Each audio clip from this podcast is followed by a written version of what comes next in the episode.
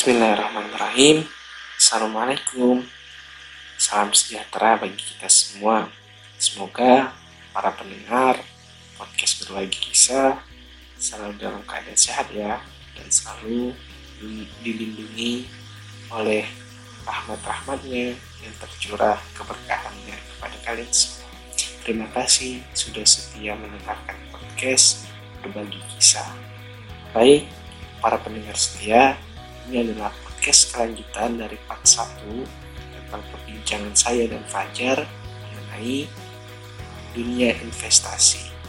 Ini akan ada pembahasan yang lebih mendepan lagi yang pada part 1 yang belum mendengarkan silahkan didengarkan terlebih dahulu supaya lebih dapat sambungan dan connection antara perbincangan yang sebelumnya dengan sekarang. Oke, saya ucapkan selamat mendengarkan.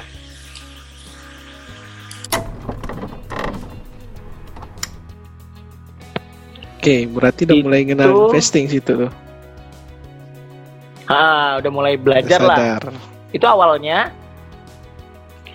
awalnya itu kalau nggak salah oh, awalnya itu gue cuma ngelihat uh, kontennya uh, si ngerti saham ya? Raditya Dika tuh bukan oh Raditya Dika dulu justru uh, sebelum sebelum konten ngerti saham sebelum tahu ngerti saham atau Instagram yang ngerti saham gue tuh tahu dari kontennya Radit tentang hmm, pensiun tuh ya? lah. Dia pengen pensiun. Enggak, ya, dia pengen pensiun di usia 40 tahun. Hmm. Nah, dia pengen pensiun di usia 40 tahun dan nanti kekayaan yang udah dikumpulin bisa menghidupkan dia sampai 40 tahun ke depan. Yang which is wow. sampai di umur 80 tahun tanpa dia ada pemasukan, dia bisa hidup gitu. Nah, dari situ tertarik nggak sih?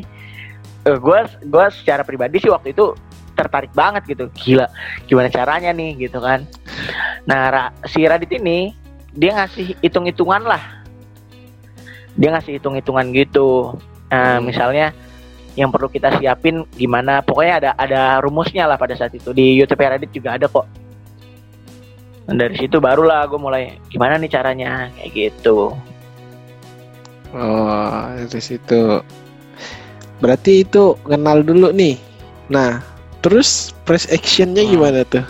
Pas actionnya? Nah, uh, ini juga agak gimana ya? Agak agak unik juga nih. Uh, agak lucu malah.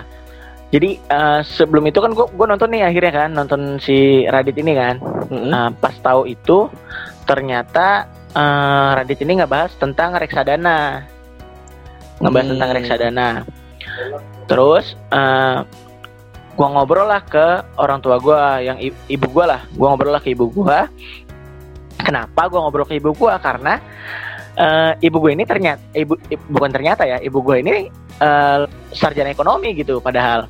Oh, sarjana ekonomi terus uh, gua gue tanya lah tentang tentang itu gitu. Dan ibu gue pernah kerja di BEJ dulu uh, dulu BEI yeah, sebelum yeah. jadi BEI itu BEJ, BEJ ya. Jakarta ya kan? Jakarta masih ya uh, nah ibu gue ibu gue dulu pernah kerja di BEJ nah setelah gue kasih tahu video Radit dia kayak yang oh mama tahu nih gini gini gini lah gitu. Pokoknya tentang investasi terus reksadana dan lain sebagainya. Cuma dulu mahal harganya. Dulu tuh uh, untuk masuk aja bisa sampai 25 juta lah dana yang minimal ya berarti itu ya? Ha, -ha dana minimum. Itu 25 juta. Nah dari situ akhirnya uh, gue tanya dong, maksudnya ma ibu gua yang jurusan ekonomi apa uh, sarjana ekonomi dan lain sebagainya kenapa nggak kepikiran untuk itu gitu nah ibu gua bilang ya itu tadi karena uh, nilai minimum apa, apa saldo minimum yang harus di store saldo awal lah saldo hmm. awal yang harus dimulai itu 25 juta terus gimana cara repotnya dulu bursa kayak gimana kan dulu belum online, online trading ya, ya. Iya, betul, masih betul. yang uh, masih beli yang mesen gitu pakai telepon. Itu ribet banget. Nah akhirnya ibu gue uh, pada saat itu ya akhirnya mikir masih kayak gitu. Nah hmm. dari situ akhirnya gue belajar lah. Belajar tentang saham dan lain sebagainya. Dan akhirnya tahu gitu kalau oh uh, ternyata sekarang udah udah online gitu udah online udah mudah uh, untuk uh, memulai aja cuma dengan 100 ribu gitu kita udah bisa mulai buat rekening saham atau rekening dana nasabah ya Iya betul betul. kayak gitu Nah jadi bagi para pendengar podcast berbagi kisah nih eh, bahwa buka rekening untuk saham itu nggak mahal lagi ya Jar. Udah 100 ribu juga udah. udah iya udah ya. nggak mahal Nah Nah, kadang ada yang berpikiran tuh masih tuh, wah eh, buka rekening saham mah mahal, gede modalnya. Tapi oh, ternyata banyak, kan banyak udah ada yang Ah, bahkan ah, gua Gua denger juga- ada gua yang juga kan nol ya. kan Gimana gimana? Iya, eh gue gue kan kadang nge-share kan, gue kadang nge-share tentang saham, tentang analisis gue gitu. Mm-mm. Eh, orang tuh pikirannya gini aja, em, wih main saham, wih inian saham, pasti modalnya gede dan lain sebagainya gitu lah. Iya. Eh gue cuma ketawa aja, maksudnya, iya enggak enggak gede gitu. Bahkan di saham kalau kita mau beli saham yang paling murah ya kita ngomong saham yang paling murah dengan modal goceng Iya, kita bisa goceng. beli saham gitu kan Udah punya saham ya. goceng kan karena kan uh, 50 perak gitu goceng udah punya saham gitu ibaratnya ya kita masuk mall nih uh, karcis parkirnya itu kan goceng Iya. itu itu saham gitu itu bisa beli saham Iya Jadi- benar-benar. ketika teman-teman bilang teman-teman berpikir bahwa wih main saham nih orang kaya uangnya banyak dan lain sebagainya Iya, enggak, enggak, enggak. Ini bukan Harus dulu dirubah gitu, prinsipnya udah ya. sekarang gitu Udah eranya. udah berubah itu udah. Iya mindset kayak gitu tuh udah harus diubah gitu. Dan benar tadi yang sempat lu bilang gitu kalau bahkan sekarang eh, nggak nggak perlu ada saldo awal gitu. Heeh. Tinggal buat rekening ya kan, tinggal buat rekening aja terus ya udah jadi rekeningnya. Toh ada saldo awal pun yang 100.000 ribu tadi itu kembali ke rekening Iya, kita sendiri bukan gitu. hilang ya. Bukan buat bukan Angus. uang pendaftaran lah. Mm. Iya, bukan uang Betul, pendaftaran. Hmm, kayak gitu. Iya. Jadi ya itu tadi mindset tentang terjun ke saham adalah orang kaya atau perlu Modal gede dana ya? yang besar ya enggak. hilangin dulu tuh. Iya. Udah berubah saham sekarang. Dan ini juga eh, sejalan dengan itu ya program dari Bursa Efek juga sih yang yuk nabung saham Nah, itu ya. iya benar-benar. Ah, iya. Itu kan program kalau nggak salah tahun 2015 ya. Hmm. 2015 atau 2013 gitu kalau nggak salah 2015 ya itu uh, bahkan waktu pas gue masuk ke saham pun itu investor lokalnya itu cuma sekitar 600 ribu orang Hmm, masih dikit jadi banget tuh. uh, 600 ribu Kita- orang dari 180 total juta. penduduk Indonesia 200 lebih ya kalau dihitung Nah. kasarnya yang iya bayi-bayi juga. Iya, nah itu dia makanya uh, pada saat gue masuk tuh ya kebayang sih maksudnya uh, ada ada ada rasa bangga gitu. Mm-mm. Ah, Ini ada 600 ribu orang doang gitu, yang kalau dibandingin sama masa aksi itu kalah jauh gitu kan. Aksi dong. iya kan, Teng- dibandingin masa aksi kalah jauh. Tapi mahasiswa. ini eh ini bukan jabatan.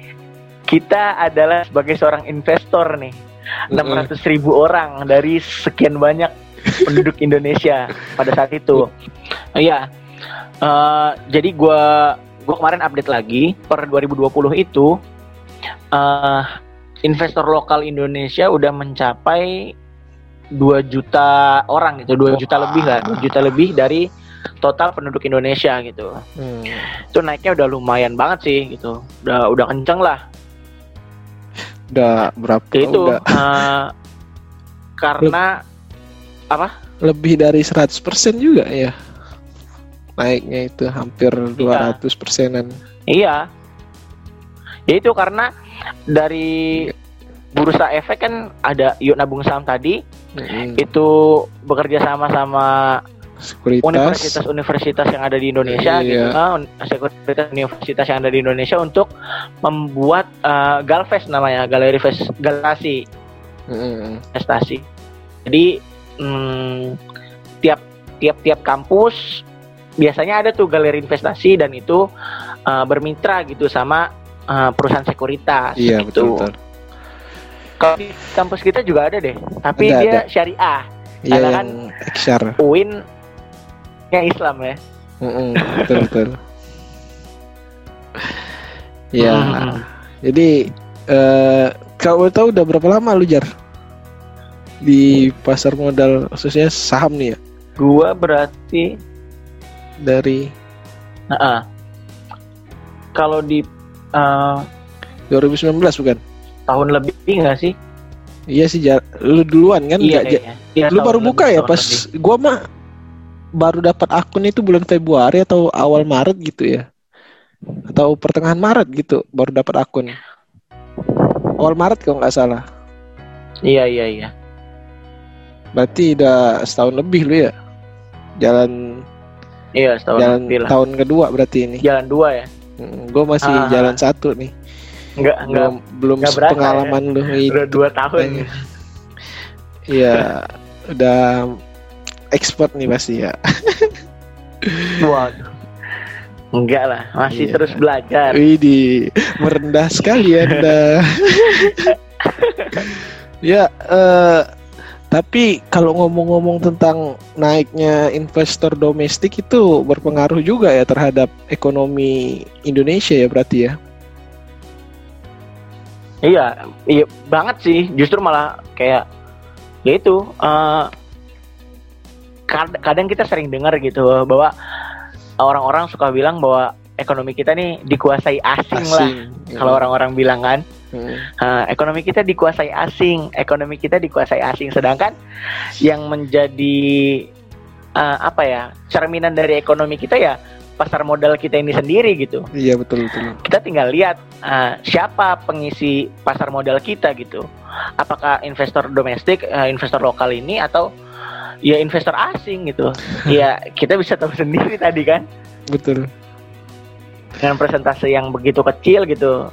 Ya otomatis benar kata orang-orang bahwa ekonomi kita emang benar dikuasai asing makanya pergerakan pasar kita juga kan ada apa ya terpengaruh gitu terpengaruh Hmm. sama pergerakan pasar asing atau em, apa isu-isu yang ada di sana gitu Hmm, benar. Iya sih, eh, jadi itu makanya jadi terpengaruh juga. Bahkan eh, iya, dulu dulu ya sebelum masuknya banyak investor gitu investor banyak kan banyak tentang kalau asing masuk masuk, asing keluar keluar. iya Itu ikut kalau kita ikut asing lah gitu iya jadi ngikut dan sekarang udah wah Heeh. kayaknya domestik beberapa saham lah ya udah mulai berkuasa nih sahamnya. Tapi nggak Iya. tahu ke depannya masih eh, kayaknya udah Iya, re- mudah-mudahan sih masih recovery lagi ya gitu. ya. bertambah gitu ya Nah, pastilah insya Allah. Oke, eh, itu tentang pengalaman dan ber- eh, berapa lama lo ya selama di itu. Selain Hmm. instrumen tadi, ada lagi nggak, Jar? Tiga aja lo yang pernah nyoba atau pernah? Hmm, tiga itu aja sih paling Oh, gue mau nyoba reksadana waktu itu cuma gue berpikir jadi gini teman-teman. Uh, reksadana itu kan sebenarnya konsepnya sama lah. Ada reksadana kan ada macam-macam gitu. Ada ya, reksadana betul. pasar uang reksadana pendapatan tetap gitu. Ada reksadana saham reksadana campuran gitu.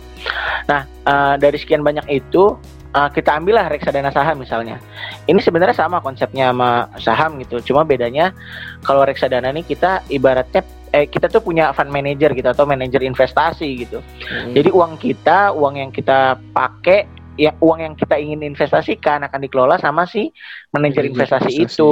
Mm, Eh, nah gue berpikir bahwasanya kalau misalnya gue invest eh, di reksadana gitu dengan instrumen reksadana gue nggak puas gitu. Iya. gue nggak puas dalam artian eh, ini duit gue masa yang ngelola lo gitu kan Iya betul betul. eh, duit gue yang ngelola gue lah gitu lagian menurut gue eh, secara psikologis gitu eh, kalau kita percayain apalagi ngomongin uang ya kalau kita Iya, percayain betul. uang ke orang terus eh, nilainya ternyata turun gitu eh, kita akan cenderung menyalahkan orang itu gitu Heeh. Nah, gue nggak mau tuh. Gue nggak mau pada ya kan ya sebelum kan gue nonton Radit tentang reksadana kan tadi. Heeh, Tapi bener. Justru gue lebih memilih buat langsung aja lah ke saham individual gitu Hmm. Heeh, karena gue ngerasa kayaknya gue nggak cocok di, di reksadana gitu Ya. Tapi bagi para pendengar sekalian tergantung kebutuhan juga ya dan tergantung Iya. resiko Ah.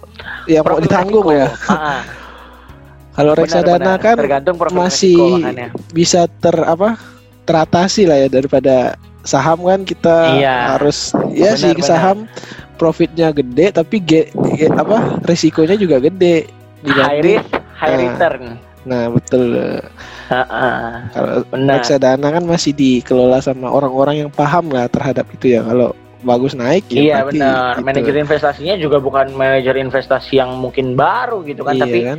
manajer investasi yang memang udah expert di sana gitu jadi ya sebenarnya nggak apa-apa aja buat teman-teman yang mau masuk atau yang jadi gini eh, reksadana mungkin cocok buat teman-teman yang mungkin sibuk eh, nggak sempat mantau eh, saham individualnya gitu atau nggak males lah buat belajar tentang eh, menganalisis fundamental dari perusahaan kayak Hmm. gitu-gitu mungkin teman-teman bisa cocok untuk di reksadana gitu karena Uh, nanti yang menganalisis fundamental, terus yang mantengin uh, pergerakan harga sahamnya itu ya manajer teman-teman itu, manajer Iya. investasi teman-teman tadi. jadi nggak sibuk-sibuk lah ya kalau saham kalau kan kita di harus itu saham ya individual kita yang jadi manajer kita sendiri. iya gitu. itu yang ngatur ya kalau turun Iya. stres juga kita jar iya, stres banget sih, bukan stres juga lagi. tapi ya pengalaman sendiri lah itulah ya. Gue juga apa ya? Iya. semakin apa awal-awal tuh kan cuman pengen tahu. Tapi kok lama-lama kalau ditekunin tuh. Kayaknya ada peluang gede di sini nih. Harus dimaksimalin juga. Lagian kan sekarang kuliah online. Ya Nah, sambil ngisi-ngisi juga kan lumayan daripada uang ini juga nganggur. ini juga sejalan. Nah nah. Benar-benar dan ini tadi yang tadi lu sempat singgung soal kuliah online dan semuanya. Pokoknya semua penyebab dari si covid ini gitu. Ini jadi eh, salah satu faktor naiknya eh, Hmm. investor lokal Mm, ternyata. Eh, karena karena gini em, kalau kalau nggak salah di Quran surat Yusuf ya? Yang bahas soal itu tuh. Yang Yang- ada oh iya. tujuh sapi gemuk Ki- kisah makan tujuh sapi Iya. kurus. Yang tafsir mimpi Nabi Yusuf itu ya kepada nah rajanya waktu iya itu. kayak gitu. Itu kan eh, eh, itu kan sebenarnya menjelaskan tentang investasi gitu. Bahwasanya ada tujuh eh, tujuh tahun eh, tujuh tahun kita subur gitu dan tujuh tahun Subur. kering ya Oh, kan? Iya benar. Ha-ha. Nah iya dan itu diperintahkan gitu untuk eh, tinggalkan kecuali sedikit untuk kita makan kalau Iya nggak salah di situ. benar-benar. Nah iya, nah dari situ akhirnya dengan adanya covid ini mereka nih teman-teman mungkin yang milenial atau teman-teman yang mungkin udah first jobber lah ya, first jobber pasti ngerasa bahwa iya ya eh, pas lagi kayak gini nggak ada pemasukan gitu, nggak ada kegiatan, cari kerja juga susah gitu.